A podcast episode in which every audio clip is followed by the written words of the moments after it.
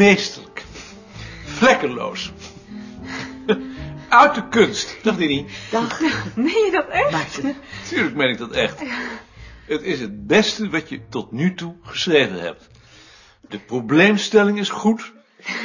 Ha, wat je zegt is volstrekt verantwoord. Heel voorzichtig. Heel wetenschappelijk. Je gebruikt vrijwel geen jargon meer. Ik zou niet weten wat ik erop moest aanmerken. De- en je hebt ook helemaal geen detailkritiek. Dat zou ik echt moeten verzinnen. Dat heeft geen zin. Ik zou het alleen nog wel aan Charles laten lezen, want die is tenslotte verantwoordelijk. Ja, maar als jij het goed vindt. Jawel, dat begrijp ik wel, maar ik ben natuurlijk niet verantwoordelijk meer. Het is nu zijn beleid. Nee, natuurlijk. En, en, en, en wat vond je van de, van de indeling van het land in vier gebieden? Vind ik volkomen verantwoord. Ook dat ik Friesland apart heb behandeld. Tuurlijk, dat was met de koffie en de thee ook. Friesland is een heel interessante provincie. En dat ik Groningen en Zeeland samen heb genomen? Ook verantwoord. Ehm, het belang van je studie is dat je uitgaat van verspreidingskaarten. Jij bent nu nog de enige op de afdeling die met vragenlijsten werkt, terwijl het toch eigenlijk onze oudste bron is. Hè? Dus ik kan het zo publiceren. Wat mij betreft, ja. Nou, daar ben ik wel heel blij mee. Dankjewel. Hoef je mij niet voor te bedanken. Dat is jouw verdienste. Ja, ik heb het toch aan jou te danken. Nee hoor, het is jouw onderwerp. Jij hebt het gemaakt. Maar is dat nou wel wetenschap wat hier gedaan wordt? Natuurlijk is het geen wetenschap. Dag Joop. ben je er nou alweer? Je komt zeker controleren of het allemaal wel goed gaat. Juist. Is er Atte? Ik weet het niet, eh, denk het. Hey, Maarten. Je bent er. Sien heeft me gevraagd om de tekst van haar boekje te lezen. Ik hoop dat ik Charles daarmee niet voor de voeten loop. Wat vond je ervan? Ik heb gezegd dat ik het goed vind, heel goed. Het is het beste wat ze tot nu toe geschreven heeft, maar wel Sien natuurlijk. Het is ontzettend, eh, ontzettend wetenschappelijk. Is dat een bezwaar? Dat hangt ervan af wat je ervan verlangt. Ik denk niet dat je er meer van hoeft te verlangen. Nee. nee. Ik heb ook nog wat voor je. We gaan de tekst van de vragenlijsten uitgeven en ik heb daar een inleiding bij geschreven. Zou jij die eens willen doorlezen? Is het nou wel verstandig dat ik dat doe? Waarom niet? Omdat het nou de verantwoordelijkheid van Charles is. Charles was eerst van plan om het aan jou te vragen, omdat jij het van het begin hebt meegemaakt. Dat wil zeggen na 1957. Toch wel langer dan wie ook. Ik moet je dus dankbaar zijn. Goed. Ik zal het doen. Heeft het haast? Morgen moet ik naar Arnhem. Nou, nou, nou, heeft geen haast. Ik was toch van plan om de komende weken wat vakantie te nemen.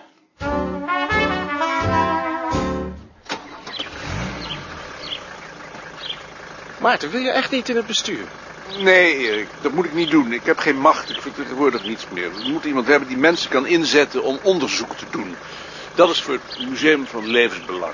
Nou, daar moeten we nog maar eens over praten. Kan ik je geen lift geven? Ik ga in de stad eten. Ik kan niet mee, want ik heb om acht uur weer een vergadering in Amsterdam. Dat haal je niet. Jawel. Als ik niet in de file kom tenminste. Ik bel je nog voor volgende week.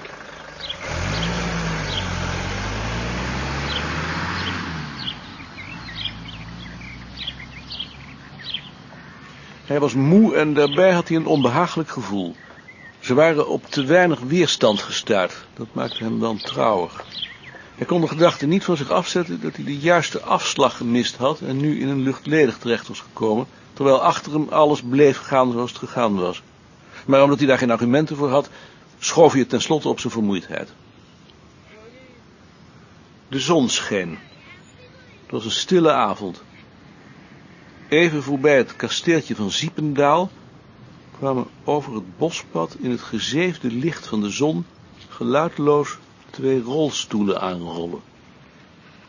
In de voorste lag een romp, onderuit, met daarboven een groot hoofd, het hoofd van een vrouw.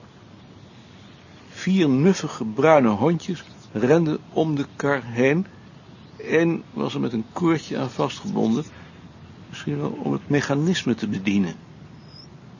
In de tweede stoel zat een man. Hij bediende met één arm het schakelpaneel en hield zijn kar behendig in het spoor van de vrouw. Juist voordat ze hem zouden passeren, wist hij het bruggetje te bereiken en sloeg rechtsaf. Het bruggetje was te smal voor rolstoelen. Hij liep door Sonsbeek tot het Velperplein. Het zonnescherm voor Ries was neergelaten. De voorste stoelen stonden in het harde licht van de zon. De achterste waren verscholen in de schaduw. De wind speelde met de flappen van het scherm. Hij ging achteraan zitten. Schuin opzij zat nog één vrouw in de zon. Ze keek streng naar hem, zodat hij zijn blik weer afwendde. Als gevolg van de vergadering voelde hij zich totaal versleten. Vermoeid keek hij in het scherpe licht op het plein. Achter hem in het café, een beetje hoger, keek een wit gepoeierd, mager meisje met koolzwarte ogen en een knalrode mond op hem neer. Hij probeerde haar blik te negeren en bestelde een glas pils en varkensfilet met knoflooksaus. Aan de tafel voor hem ging een jongen met een eigenwijs spits neusje en een klein kinnetje zitten. Hij bestelde een vegetarische maaltijd en rekte zich vervolgens met zijn handen hoog boven zijn hoofd in elkaar gestrengeld verzaligd uit. Hij irriteerde hem. Zijn eigen schotel zag er goed uit, maar ze smaakte naar zeepsop. Misschien omdat hij na een verkoudheid zijn smaak nog niet terug had. Er kwamen twee rolstoelen aanrollen. In de voorste zat een lichaam waarvan een schouderblad met een punt omhoog stak. Daaronder keek het hoofd met een loerende blik om de hoek. De tweede wagen werd voortgeduwd door een armoedig meisje. Er lag een jongen in. Hij keek met open mond en een verdwaasde glimlach in de lucht. Zijn voortanden sprongen naar voren. Vlak voor de hoek werden ze in hun voortgang belemmerd door vier andere rolstoelen, die hen uit de Sint-Jansstraat tegemoet kwamen. Ze wrongen zich met moeite langs elkaar, waarna de vier in de richting van het station verdwenen. De jonge voor hem maakte tegen de ober een aanmerking op de kwaliteit van de vegetarische schotel. Het was eigenlijk alleen maar sla, zonder iets substantieels. Ja, ik, ik, ik vind dat ik dat moet zeggen. Maar dat moet je vooral doen, Jokkie. Maar de wijn is heel goed. Ik vermoed dat dat een Beaujolais is. Meneer had goed geraden. Hij glom van voldoening. Zeker weten. Zijn avond kon niet meer stuk. Terwijl ze stonden te praten, graaide achter hen een zwarte man met een rasta-kapsel in een vuilnisbak aan de rand van het trottoir. Hij vond niets en liep mompelend verder. Hij bestelde een kop koffie. De streng kijkende vrouw vroeg de rekening. Ze betaalde, zette zich af, draaide om haar as en rolde weg. Tot zijn verrassing. Arnhem. Als hij de stad had moeten beschrijven, zou hij tot die dag een ander beeld hebben gegeven.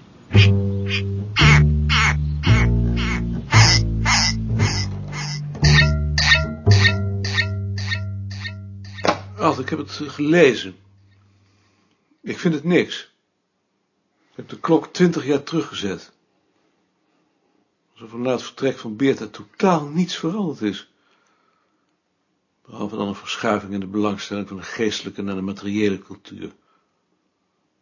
Als ik dit lees, vraag ik me af wat ik hier eigenlijk gedaan heb. Onbegrijpelijk. Je bent er toch zelf bij geweest? Het zou wel zijn omdat je zelf nooit met die vragenlijst hebt gewerkt, maar dan had je die inleiding beter door Sien kunnen laten schrijven. Die weet er meer van. We hebben het Sien gevraagd, maar die wilde het niet. Dat is jammer, want dit is echt waardeloos. Als het zo was geweest, hadden we nooit uit ons tijdschrift gehoeven. Dan was de hele discussie in de Europese atlas zinloos geweest. Wat ontbreekt er dan aan, volgens jou? Alles. Het is alleen maar de eerste twintig vragenlijsten te vergelijken met de laatste. Het springt eruit. Ze lijken in niets meer op elkaar. In de eerste twintig wordt gevraagd, hoe is of hoe was het in uw dorp? Met de stilzwijgende veronderstelling dat het zo eeuwenlang geweest is, zoals Pieters het nog dacht. De Vlaamse mens. In de laatste vragen we heel exact, hoe was het bij u thuis in het begin van deze eeuw en hoe is het nu? De eerste twintig zijn tijdeloos en uniform. De laatste gaan uit van het idee dat de cultuur voortdurend verandert en dat er binnen iedere gemeenschap verschillende, sociaal gedifferentieerde groepen zijn. Dat is zo verdomd wezenlijk, dat je dat onmogelijk kunt weglaten als je erover schrijft. Ik begrijp er echt geen sodemieter van. Ik heb het twintig jaar lang nergens anders over gehad en er is niets van terug te vinden. Alsof ik lucht ben geweest. Heb je het ook aan een andere laten lezen? Ik heb het aan niemand laten lezen. Je bent de eerste. Godzijdank. Heb je die dingen ook opgeschreven? Ja, Ik zal het nog eens bekijken. graag. Is eh, Charles al terug? Die is nog met vakantie. Joop is er wel? Joop wel.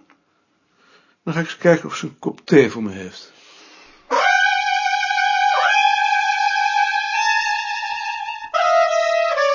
Ehm, Joop, heb jij een kop thee voor me? Als je een kunst doet, Wat voor kunst? mm, op één been staan, Ik doe een kunst. Mm, nog één, Ik doe nog een kunst. Kukelekee, kukelekee, kukelekee.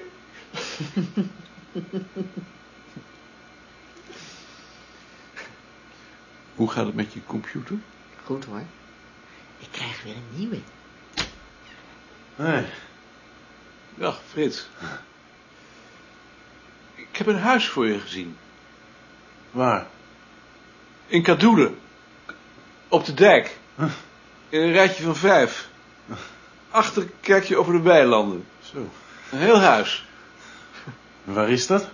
In Noord. In Noord. Dat lijkt me leuk. Maar ik heb al een huis. Waar? Bij het Amstelstation. Nou, jammer. Want we komen er vaak langs. Zou ik je af en toe eens kunnen opzoeken. Dat kun je toch wel doen. Dat zouden we heel leuk vinden. Ja. Dat kan ik toch wel doen.